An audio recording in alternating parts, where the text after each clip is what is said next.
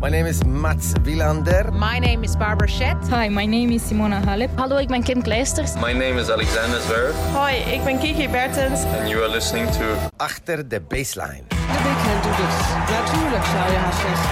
Want het is een handelsmerk. Wauw, David Goffin snoept een set af van de King of Clay van Rafa Nadal. Dit is Achter de Baseline.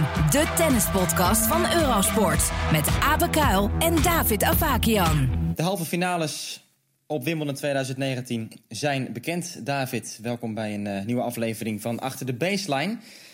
Serena Williams, zij versloeg Alison Risk. Johanna Konta redde het niet tegen Barbara Strichova. Elina Svitolina won van Carolina Mugova. En Simona Halep versloeg Zhang Shuai. Is er een uitslag die er voor jou uitspringt, David, van deze vier partijen? Nou, eigenlijk één wedstrijd die we een verrassing kunnen noemen, denk ik. En dat is het verlies van Konta. Uh, maar ja, dat is gebaseerd op ranking. Uh, want ja, Stritsova, waar ze van heeft verloren, die heeft ook bewezen dat ze van Kiki Bertens kan winnen, top 10 speelster. Heeft ook Mertens daarna uitgeschakeld, die hoger dan haar staat. Veteranen, zoals we al hebben herhaald een aantal keer, die eigenlijk uh, ja, richting de uitgang van haar carrière aan het lopen is. maar die pakt ook gewoon nu Conta op centenkort. Het is, het is, ja, ik vind het hartstikke leuk. We hadden vier wedstrijden met een geplaatste speelster tegen een ongeplaatste speelster. Jij haalt inderdaad de enige verrassing eruit, want in de andere partijen hebben de geplaatste speelsters wel gewonnen. Um, Conta, ja, zij werd weer een beetje onder vuur genomen in de persconferentie na afloop. Ze kreeg het aan de stok met een Britse journalist die uh, ja, toch eigenlijk een beetje volgens mij irritatie wilde horen van Conta over het feit dat ze niet kon winnen vandaag. David, heb jij daar uh, het nodige van meegekregen ook? Zeker, ja. Uh, ik, ik vind op zich de manier waarop ze zo'n gesprek dan aangaat... of zo'n, uh, ja, wat is het, de, de, de kogels die worden afgevuurd enigszins... want het ging met name om de toon van die meneer...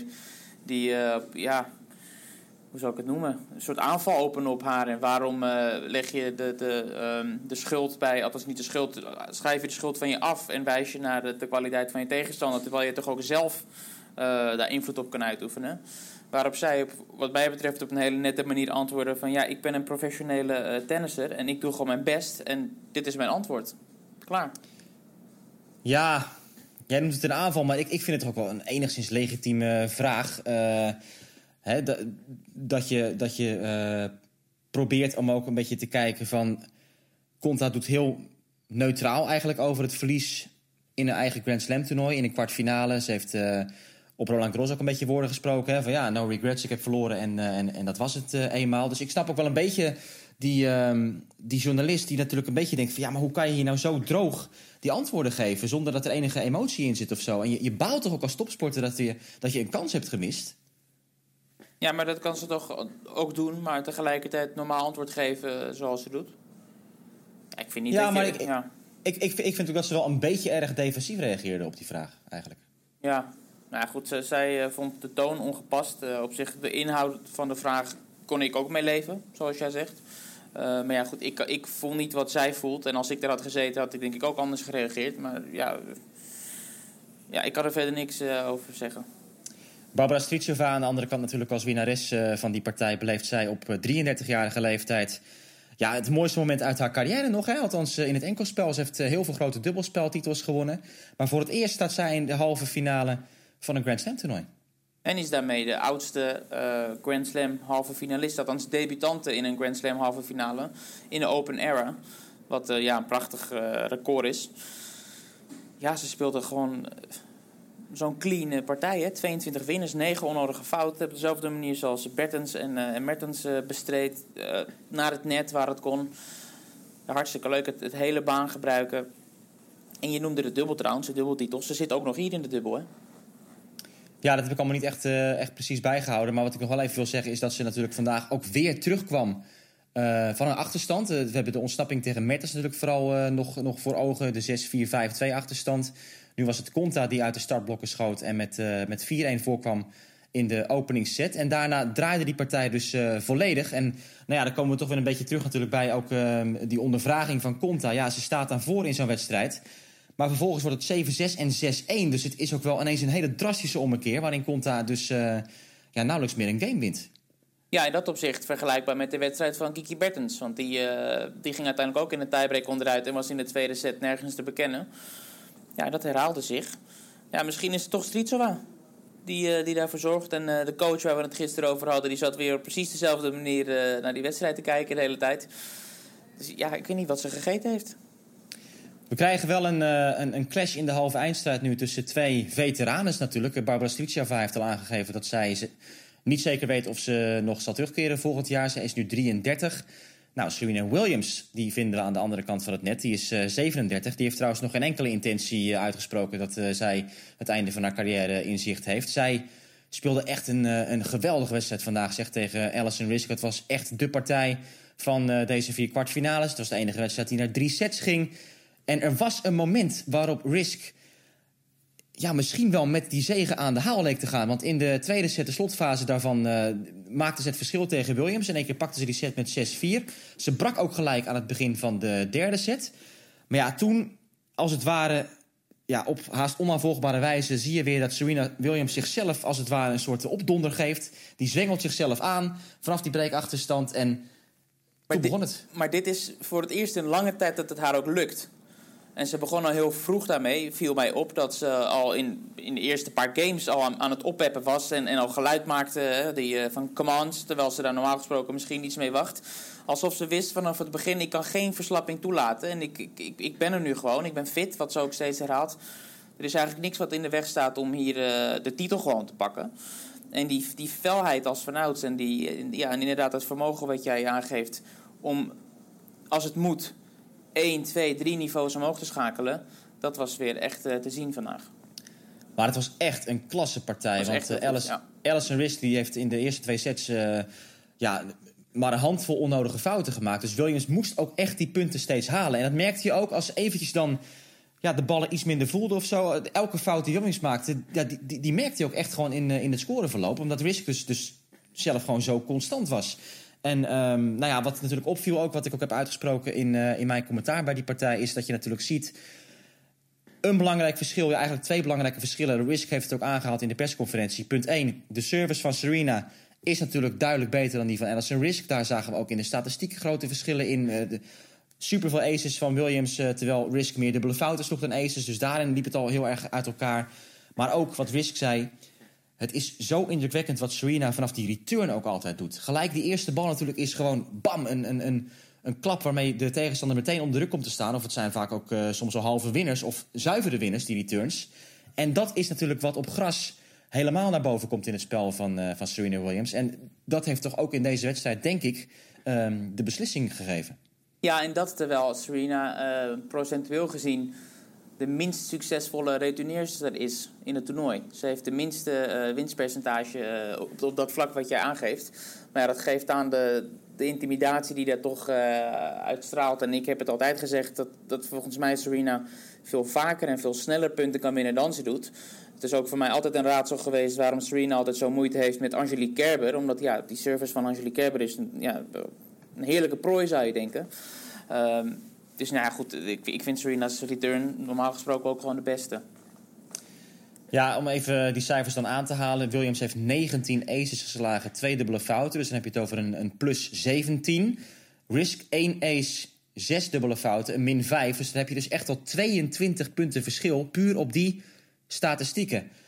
Um, we zagen ook in die derde set dat Risk meer dubbele fouten ging slaan. Zij voelde constant natuurlijk ook die druk van... oh, ik moet uh, die tweede service doorslaan, het percentage. Eerste opslag ging naar beneden in die derde set. Ja, en ze, ze ging dus wel steeds voor het risico met die tweede tot op zekere hoogte. En precies op de uh, vervelende momenten kwamen dan die dubbele fouten. Dus dat was ook iets waar, uh, waar Williams profijt van had. En ja, nog een ander opvallend ding natuurlijk bij Serena Williams is altijd als ze het spannend krijgt, dan gaat ze aan haar haar lopen sleutelen. Hè? Dan, dan verdwijnt de wilde bos en dan komt er een knotje op het hoofd. dat, ja, dat is ook typisch Serena Williams. Als je dat ziet, dan weet je, oh, nu, uh, nu weet ze, ik moet maximaal gas geven. Ik moet er alles uithalen om deze wedstrijd te kunnen winnen. Ja, ze noemde het in de persconferentie haar business ban. Uh, daar was hartstikke een leuk moment. En, en, inderdaad, ze moest dat opruimen. En het was echt, nu is het benens. Dus dat was, uh, was mooi om te zien. In die persconferentie kwamen meerdere leuke momenten aan de orde trouwens. Opmerkelijk genoeg eh, begonnen ze met eh, Serena Williams gaat een korte persconferentie geven, want ze moet later vandaag nog, eh, nog mixen. En dat werd uiteindelijk gewoon een hele lange persconferentie om een of andere reden, alsof die manier dat meteen was vergeten.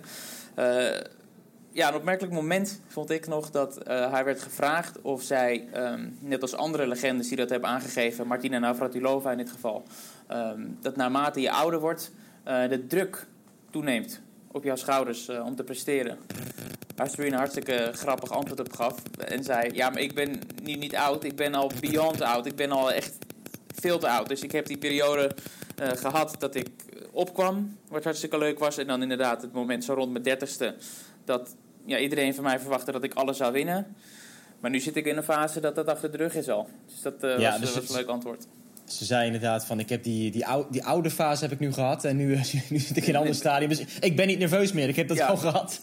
Ja, Ja, dat was inderdaad eh, echt mo- eh, mooi om, eh, om te zien. Overmorgen dus Serena Williams tegen Barbara Strycova in de eerste halve finale. Ehm, aan de andere kant hebben we een primeur voor Elina Svitolina. Die heeft tussen aanhalingstekens eindelijk een halve finale gehaald van een Grand Slam toernooi. Bij haar vijfde poging. En zij won van Carolina Mugova. En dat was ook vooral te danken omdat die Tsjechische eigenlijk eh, uitgeblust was. Ja, zeker. En natuurlijk door die vorige partij die zij speelde tegen Karolina Pliskova... die tot 13-11 in de derde set doorging. Gisteren. Eh, eh, gisteren, sorry, ja. En Svitolina had dat natuurlijk ook gezien. En die gaf ook na afloop aan dat het haar, ja, haar tactiek was, haar bedoeling was... om, om hier ook weer een fysiek zware wedstrijd van te maken. Nou, dat is goed gelukt. Ja, en het begin van die partij, dat was nog wel interessant. Want ook daarvan hebben we nog een stuk op eh, Eurosport 1 laten zien. En Svitolina brak meteen. Vervolgens gingen er vier games heel snel de kant op van, eh van Mugova. Die kwam met 5-2 voor ook nog in die openingsset. Maar daarna ehm, ja, draaide het eigenlijk helemaal om. Het werd 7-5 voor Svitolina. In de tweede set eh, pakte zij door. De Oekraïense. Ehm, uit haar persconferentie heb ik ook gezien dat er vragen werden gesteld van... ja, is dit weer een beetje zoals bij de WTA-finals vorig jaar? Want toen stond ze ook niet in de spotlight. Eigenlijk niemand verwachtte iets van Svitolina daar bij het eindejaarskampioenschap. Ze had nauwelijks partijen gewonnen in aanloop naar dat toernooi. En prompt won ze het evenement. Nou ja, hier op Wimbledon is natuurlijk een beetje hetzelfde verhaal. Niemand had Svitolina omcirkeld als, eh als toernooiwinnares. Ja, misschien Kim Kleisters, maar die heb jij niet meer gesproken hier... eh, toen de loting eh, uitkwam. Maar die was op Roland Garros natuurlijk al gecharmeerd van Svitolina. Ja. En ja, Svitolina zei ook van ja, dat, dat klopt wel een beetje. Ehm, de enige druk die ik nou voel is van mezelf. Want verder zijn er weinig mensen die tegen mij zeggen... oh ja, jij gaat hier eh, hele goede zaken doen. Dus in die schaduw heeft ze toch een beetje kunnen floreren. En staat zij bij de laatste vier en zij gaat uitkomen tegen Simona Halep. Ja, die ook een spannende wedstrijd eh, eh, ja, moest spelen vandaag tegen Shuai Zhang. Een speelster waar ze de afgelopen paar keren van had verloren. We hadden het al enigszins aangekaart in, in de vorige aflevering. Eh, met oog op de, de Australian Open een paar jaar geleden. En het is gewoon best een goede matchup, eh, blijkt elke keer weer voor, eh, voor de Chinezen. En het leek aanvankelijk weer fout te gaan voor, eh, voor Simone Halep. Want ze kwam dik achter te staan in de eerste set. eh, eerste set. Ehm, maar ik merk bij Halep, en ze zegt het zelf ook letterlijk... dat ze op dit moment erg hongerig is. En hongerig genoeg om naar oplossingen te zoeken. Want ze wil gewoon elke wedstrijd winnen nu. En ze lijkt een beetje dat, ja, dat vrijblijvende... wat ze de afgelopen periode heeft eh, gehad... na het winnen van Roland Garros vorig jaar... nu een beetje van zich afgeschud te hebben... en echt er weer te staan om eh, voor de titels te spelen. Ja, en zij heeft toch nog wel een beetje contact ook met Darren Cahill. Hè? Want soms zien we foto's eh, toch nog van hun twee op, op social media verschijnen. Ook hier tijdens Wimbledon. Darren Cahill die is denk ik voor de, voor de televisie hier aanwezig, David. Het zal voor eh, ESPN zijn, ja. Ja, dus nou ja, die geeft misschien op de achtergrond ook wel weer een beetje adviezen nog aan Simona Halep. Maar ik vind het wel grappig om te zien, want Simona Halep tegen Svitolina... normaal gesproken zou je zeggen, ja, dat is eh, natuurlijk gewoon een kraker van de bovenste plank. Dat zijn twee absolute wereldtoppers tegenover elkaar. Maar het voelt hier toch als een soort verrassende halve finale tussen die twee. Vind je? Ik, eh, Nou, dat vind ik wel. Op voorhand was het niet echt iets wat we zagen aankomen, toch? Dat zowel Halep als Svitolina hier naar de halve finale zou gaan. Zeker Svitolina niet. Maar ook Halep was wel een beetje uit de picture. Hier als nummer 7 geplaatst, eh, speelt ze ook. Ja, nou ja, in dat opzicht eh, kan, kan ik met je mee. Ze zei overigens nog dat ze voor het eerst zei ze, zal, zal ik het zeggen, ik hou van gras. En eh, waarom dan? Nou ja, omdat ik in de halve finale sta. Eh, overigens, wat mij ontzettend verrast, elke keer weer als ik door de resultaten van Halep in het verleden ook blader, is dat ze hier al eerder een keer in de halve finale heeft gestaan. Eh 2000, wat was het, 15? Ik heb hem niet in mijn hoofd zitten. Nou, Nee. echt ja, opmerkelijk lang geleden. Dus dit is haar tweede halve finale hier. Wat je toch niet verwacht bij iemand die toch eh, ja, floreert op, op een greffelbaan normaal gesproken. Dus ehm, ja, het is een kraker zoals je zegt. Overmorgen die halve finales in het vrouwen-enkelspeltoernooi. Er was ook weer een uh, nou ja, soort bonuskraker op het centenkort natuurlijk. Want Andy Murray en Serena Williams hebben weer gespeeld. En ja, het is toch iets, iets bijzonders. Hè? Iets, iets... Natuurlijk is het echt uniek nu dat het gebeurt hier. Maar zo'n mixed dubbel met Andy Murray en Serena Williams. Het intrigeert. Het, je, blijft geboeid naar kijken. Elk punt is toch een soort avontuur. Van uh, hoe, hoe is die dynamiek tussen die twee? Wat gaat er nou weer gebeuren? Ik vond het vooral grappig dat, uh, dat Andy Murray heel veel moeite had om de service te retourneren van uh, Raquel Atawo. Dat was echt een, een fase in de partij waarin Serena de returns steeds heel goed speelde. En er kwamen breakkansen aan. En Murray die kon niet omgaan met die service van Raquel Atawo. En die werd er ook een beetje nerveus van, volgens mij, dat hij die fouten dan maar steeds maakte. Ja, en steeds excuses aanbieden. Elke keer als hij, als hij returns mist ook. Nog uh, grappig is dat elke keer om te zien. En die microfoons zijn hartstikke uh, zijn heel gevoelig. Dus je hoort heel veel van wat er gezegd wordt onderling. Um, je viel net overigens weg, dus ik heb niet alles gehoord van wat je hebt gezegd. Um, ik weet niet of je hebt opgemerkt de, de return kwaliteit van Serena. Nou, ik zei dus vooral dat Andy Murray moeite had met die returns van, uh, van Raquel Ottawa. Maar dat, ja. dat Serena het allemaal wel zo goed deed steeds. Ja, en, en ook op de service van uh, Martin, hè, de tegenstander, de mannelijke tegenstander. Die, die sloeg ze gewoon vier keer uh, weg. Lijkt het wel, met de return winners bijna. Um, ik vond sowieso de, de reacties van Serena ook. Dat zie je natuurlijk normaal gesproken ook niet. Maar in die dubbelsituatie, steeds als Serena dat net stond... Ze was heel snel om die ballen gewoon, gewoon te pakken. Of ook ja. als ze werd aangevallen, dan, ja, dan had ze toch hele goede handjes in huis. En dat uh, was ook wel een beetje verrassend om te zien, vond ik. Vond ik uh, indrukwekkend van Serena. Ja, het, het, tekent denk ik gewoon de, de, het gevoel wat ze heeft. Ze voelt zich echt heel erg goed. En als Serena ontspannen is... en als Serena zich geen zorgen hoeft te maken, zoals we zeiden, over fysiek ongemak... ja goed, dan is het natuurlijk uh, de beste. Ja. Waar dan ook. Ja, en tegelijkertijd, als je naar zo'n mix zit te kijken, althans ik heb het dan ook, dan, dan zit ik te denken, god, de laatste jaren, weet je, je hebt, je hebt de Lever Cup is erbij gekomen, de ATP is bezig met een nieuwe teamcompetitie. Uh, de Davis Cup is hervormd, de Fed Cup gaat een nieuw format krijgen volgend jaar. Waarom bestaat er nou geen serieuze mixed dubbelcompetitie, een soort uh, hybride Davis Cup, uh, Fed Cup-achtig iets, weet je, waar het echt serieus eraan toe gaat. Natuurlijk, mensen zullen misschien denken, ja, maar je hebt de Hopman Cup toch? Nee, dat is niet serieus. Dat is een demonstratietoernooi. Op uitnodiging worden landen dan uh, uh, gevraagd om te komen spelen. En het is altijd een beetje uh, giegelig. Maar dit is toch geweldig. Een Murray met een, met een Williams. Nou ja, kijk, gewoon de combinatie. Het is zo logisch. Je hebt de Grand Slams. We kijken naar een damessingle. We kijken naar een mannensingle. Elke tour heeft zijn eigen sterren. Het voelt als een inkopper. Maar dat gebeurt maar niet. Nee, ja goed, ik, ik deel de zorg, of nou niet zozeer de zorg, maar uh, de frustratie die jij, uh, die jij hebt. Ja, ik, ik heb het antwoord ook niet. Het is onveel blijkt. En ja, we hebben natuurlijk al meerdere keren ook aangegeven dat de ATP en WTA sowieso organisaties zijn die uh, los van elkaar opereren. En, dan heeft en elkaar ook... ook weinig gunnen. En dat is ook een beetje het probleem. En elkaar weinig gunnen, helaas. maar dat heeft een heel lang verleden natuurlijk, wat, waar we nu niet helemaal op in zullen gaan. Ja, misschien moet het vanuit de spelers komen. Misschien moeten de spelers actiever worden en dat uh, forceren.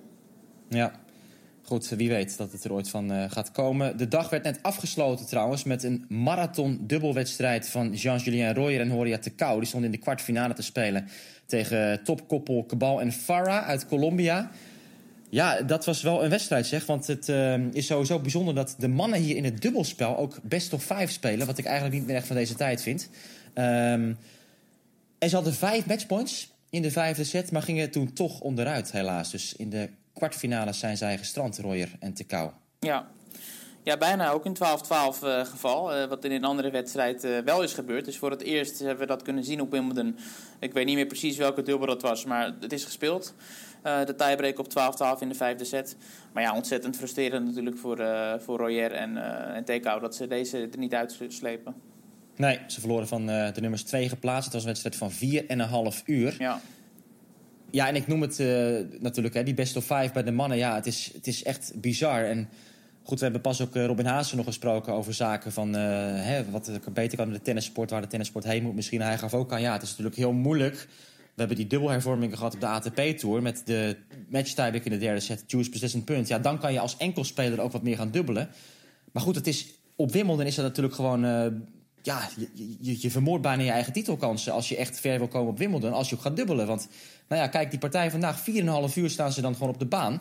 En ehm, ik vraag me af of dat misschien ook niet een keer eh, moet worden aangepast. Nou ja, zelfs Andy Murray zei het hè, aan het begin van het toernooi dat ze daar eens aan moeten denken om dat eruit te gooien. Dus ja, als, eh, nogmaals, als de spelers opstaan en, en hun meningen eh, ja, zich, zich, zeg maar, eh, sa- samen hetzelfde vinden en veel, veel grotere namen ergens iets van vinden, dan kan het niet anders zijn dan eh, dat er actie wordt ondernomen, denk ik. Eh, over Murray gesproken trouwens nog. Ik weet niet of je hebt meegekregen wat er net allemaal gezegd is in de persconferentie die hij met Serena Williams gaf. Hij, heeft, hij heeft aangegeven dat hij ehm, sowieso niet, althans hoogstwaarschijnlijk niet op de US Open gaat singelen. Oh ja, dat heb ik gezien. Dat ja. heb je gezien. Dus ehm, ja, dat komt allemaal gewoon te vroeg. Hij hoopt wel dat zodra dit toernooi is afgelopen, ja, hopelijk na de finale voor hen, eh, dat hij kan gaan beginnen met het eh, trainen in de single. Wat natuurlijk sowieso al eh, een hoopvol signaal is. Ehm, ja, dat wilde ik nog Nou, hij, hij, hij spreekt zich wel een beetje tegen de laatste tijd. Want eerst had hij het ook over het feit van... nou, ik ga sowieso niet singelen voor de US Open begint. ja. Ehm, vorige week las ik toch dingen dat hij had gezegd van... nou, wie weet, na Wimbledon dat ik alweer een beetje kan gaan singelen. En, dat, en hij sloot de US Open er ook niet uit. En nu zegt hij dus weer toch dat het eh, een, een brug te ver is. Dus misschien dat hij gewoon ook zelf een beetje heeft getwijfeld erover. Ja. Maar eh, ja, hij wil natuurlijk inderdaad wel toewerken naar zo'n rentree in de single. Maar dat is even afwachten wanneer dat eh, zal gebeuren. En voorlopig heeft hij hier nog een paar wedstrijden te gaan. Hoopt hij uiteraard in het eh mixed dubbel. Ehm, een ander resultaat dat ik nog even moet melden, David. Wat we hebben de uitslag van Royer genoemd. Maar ook Wesley Kolf kwam vandaag uiteraard nog in actie in de kwartfinales van het uh, dubbelspeltoernooi. Met Marcus Daniel. Zij hebben ook verloren. 6-2, 7-6 en 6-3 van Dodig en Polasek. Dus dat is het eh, wat de inbreng van de Nederlandse dubbelaars betreft. We hadden er twee bij de kwartfinales, maar die zijn dus allebei gestrand. Dan hebben we wel nog Demi Schuurs, die eh, in de kwartfinale staat. En sowieso in de kwartfinales in de damesdubbel is heel interessant dat zeven van de acht hoogst geplaatste koppels in de kwartfinale staan. Oké, ja. Dat Waaronder dus Demi eh, Schuurs samen met uh, Annalena Kreunenveld. En voor Demi Schuurs is het sowieso haar eh, beste Grand Slam resultaat. Keurig. Nou, dat gaan we natuurlijk ook nog uh, verder volgen hoe dat afloopt. Volgens mij kunnen we gaan kijken naar de dag van morgen, David. Zeker. Als de kwartfinales bij de mannen op het programma staan. En nou ja, de verdeling op het centercourt. Djokovic, Goffin om te beginnen. Dan Federer, Nishikori. Op baan 1 Pella, Bautista Agut, Querrey tegen Nadal. Dat lijkt mij een logische indeling. Ja, ik vind het zeker wel interessant dat Nadal is op kort 1 is gezet. En zeker na uh, een persconferentie die hij gisteren gaf... waar hij nog enige kritiek over kreeg... omdat hij daar een beetje op onnodige wijze... Uh, ja, de confrontatie aanging met een journalist die aan hem vroeg van... vind je het redelijk dat jij op centercourt staat tegen Joao Sosa... waarvan iedereen weet dat je daar natuurlijk gehakt van gaat maken. Terwijl nummer 1 van de wereld bij de vrouwen... Ashley Bart, die op uh, court 2 wordt gezet, zet nota bene. Dat dus de derde die journalist niet. Uh, die journalist zei niet waarvan je weet dat je er gehakt van gaat maken. dat was niet de vraag. Nee, dat stukje dat, dat, dat voegt zeker aan toe. Maar de reactie van Nadal, dat is waar het om gaat. En hij zei, ja, maar ik ben de nummer 2 van de wereld... en ik heb 18 Grand Slam toernooien. Dus ik vind het uh, wel redelijk dat ik op centercourt sta. Uh, nou ja, goed, dat is ook, heeft verder niks te maken met deze indeling. Het is niet dat hij uh, in het hoekje is gezet of straf heeft gekregen voor uh, die opmerking. Maar ja, nee, natuurlijk Djokovic tegen Goffin, dat nummer 1 geplaatst tegen nummer 21 geplaatst. En dan Nishikori Federer 8 tegen 2. Dan is het logisch dat je Nadal die tegen een ongeplaatste speler speelt op kort one zet. Ja, hoewel Sam Querrey natuurlijk wel een reuzendoder is gebleken in het verleden hier op Wimbledon. En ook op andere baansoorten trouwens. Want hij heeft ook van uh, Nadal gewonnen in Acapulco. Wat was dat, 2017 of zo? Ja. Toen hij daar uh, de titel won en uh, diverse grote namen wist te verslaan. Nou ja, en, en natuurlijk een speler waar Nadal normaal gesproken niet graag tegen speelt. Hè? Dat, het, het, format van, van Sam Querrey met de big serve en een voorhand waarmee hij ook echt kan vlakken, knallen kan uitdelen richting de voorhand van Nadal. Um, nou, kijken of hij dat nu weer kan doen. Ja, en, en Querrey slaat wel echt hard. Want we Heel hard, natuurlijk. Ja. ja, je kan een beetje die vergelijking trekken met, met die partij tegen Tsonga misschien. Maar dan krijg je toch wel iets meer tijd om te tennissen. Ook, ook tegen een agressieve speler als Tsonga. Terwijl Query die, die heeft nog toch wel net een paar extra uh, kilometers per uur op zijn service, op zijn voorhand. Dus als hij de ballen raakt, dan kan hij eigenlijk van iedereen winnen. Ja, als het- hij dat een wedstrijd lang volhoudt. Ik vind die vergelijking met Tsonga wel leuk. Ik, Tsonga is misschien een te goede tennisser om van Nadal te kunnen winnen, wil ik bijna zeggen. En Query is iemand die gewoon het verstand uit kan zetten en eh, inderdaad eh, die beukers kan eh, gaan uitdelen. En niet gestoord wordt door allerlei bijgedachten van mooi balletje hier, mooi balletje daar. Dus ja, die, die, die, die, ja, die simpele gedachtegang die kan hem denk ik helpen. En eh, lekker de laid-back Amerikaanse westkustmentaliteit... Hè, die hij Ja. ook heeft, eh, Sam Querrey natuurlijk. Een beetje het, eh, het servicegevoel, om maar zo te zeggen. Ja. maar ja, ehm, je denkt natuurlijk van... Goh, nou ja, die grote drie die gaan weer op cruise control naar de halve finales toe. Echter is er een leuke statistiek. Want Djokovic heeft zijn laatste wedstrijd verloren van David Goffin, zijn tegenstander van morgen. Federer heeft zijn laatste wedstrijd verloren van Kenny Shikori, zijn tegenstander van morgen. Nadal heeft zijn laatste wedstrijd verloren van Sam Querrey. En dat was die partij in Acapulco. Dus David, hoeveel verrassingen gaan we zien morgen? Nul. ja, nee, ik zie, ik, ik zie het niet gebeuren. Ehm, ik, ik heb overigens wel... Ja, Djokovic Goffin is, is misschien... Gaat leuker worden dan men misschien verwacht van tevoren. Want Goffin die, ehm, ja, die is heel goed aan het spelen. En met name het mentale gedeelte van, eh, van zijn optredens hier is, is heel indrukwekkend geweest. Ik heb Kim Kleisters vandaag erover gesproken. En zij zei, eindelijk zien we de emotie eh, waar velen op hebben gewacht lange tijd bij, bij David Goffin. Nu echt terug op de baan. Ook zijn coach Thomas Johansson heb ik eh, voor de microfoon gehad vandaag eh, voor Eurosport. En ook hij gaf aan dat... Ja, dat, dat, dat tonen van die emotie en die wil om te winnen, dat ze daarop aan hebben gewerkt. Ik vroeg me nog af hoe je daar in hemelsnaam aan die, aan, daaraan kan werken. Maar goed, dat, hebben ze Nou, een- dat, doen- dat, dat doen we denken aan Kevin Anderson. Weet je nog een paar jaar geleden toen hij op de US Open ook ineens... eh, naar elk punt eh command stond te brullen. Zelfs als zijn tegenstander een dubbele fout sloeg op 1-1-0-15 volgens mij. Ja, maar dat deed Maar, hij ook in de eh, wedstrijd waarin hij werd afgedroogd. Dus dat was een van de meest knullige optredens die ik ooit heb gezien van een tennisser. Ehm, ja, Djo- Djokovic Goffin. Ja, als, als Goffin de sterren van de hemel speelt, dan wordt het best interessant. Misschien dat het gras hem ook helpt. Want ze hebben nooit tegen elkaar op gras gespeeld, meen ik, Djokovic en eh Goffin. Ehm, en dan Nishikori Federer die daar eh nakomt. Ja, even wachten. Want, want die heeft ook in zijn persconferentie nog, eh, nog Oh. gezegd... Ook precies over het gras. Van ja, ik kijk er wel naar uit om op gras inderdaad tegen Djokovic te spelen. Want dit is wel een baassoort die voor mij waarschijnlijk eh, ehm, goed is. Dus nou ja, we zullen het zien. Ik, ik verwacht niet dat dat echt ontzettend spannend gaat worden. Maar we zullen het, het meemaken. Ehm Nishikori Federer, daar wil je over beginnen. Ja. Ik moet een beetje lachen, want ze hebben vorig jaar bij de ATP-finals tegen elkaar gespeeld. Die wedstrijd heb ik, eh, heb ik van commentaar voorzien. Ik heb Nishikori zelden zo slecht zien spelen in mijn hele leven. En hij won van Federer. Ja, ja ik, ik, ik was die wedstrijd vergeten zelfs, zo slecht was hij. Ik had het ergens weggestopt kennelijk. En ehm, Het was totale waanzin wat daar het gebeurde. was de, de slechtste wedstrijd van het jaar. Federer heeft ook nog nooit zo slecht gespeeld, denk ik. Dat is echt Nee. niet te geloven. Als je dat terugkijkt... Was het een dead rubber? Ja, dat wel, hè, geloof ik. Het was Nee, helemaal niet. Het was de eerste wedstrijd van het toernooi. Oh, Het was de openingspartij in de pool van, eh, van Nishikori en Federer. ja. Want Nishikori verloor daarna kansloos eh, met 6-1, 6-1 volgens mij ook nog. Dus het, Ja. Hij wint van Federer en daarna was Ja, het gewoon helemaal niks meer. Maar goed. Echt het aantal onnodige fouten dat hij sloeg in die eerste set, dat was gewoon eh, beste vijf waardig. Maar alsnog kwam hij er doorheen. Niet Nou ja, te geloven Niet was te geloven. Ehm, wat ik wel wil zeggen daarover is, en dan ga ik terug naar de persconferentie die Federer gaf nadat hij van Berrettini won. Eh, want hij lichtte iets in het bijzonder uit, uit in het spel van Nishikori en dat is de backhand. Ehm, en Federer heeft dat vaker gezegd en herhaalde het nu weer. Dat hij vindt dat Nishikori een van de, misschien wel de beste backhand heeft in het circuit. Ja.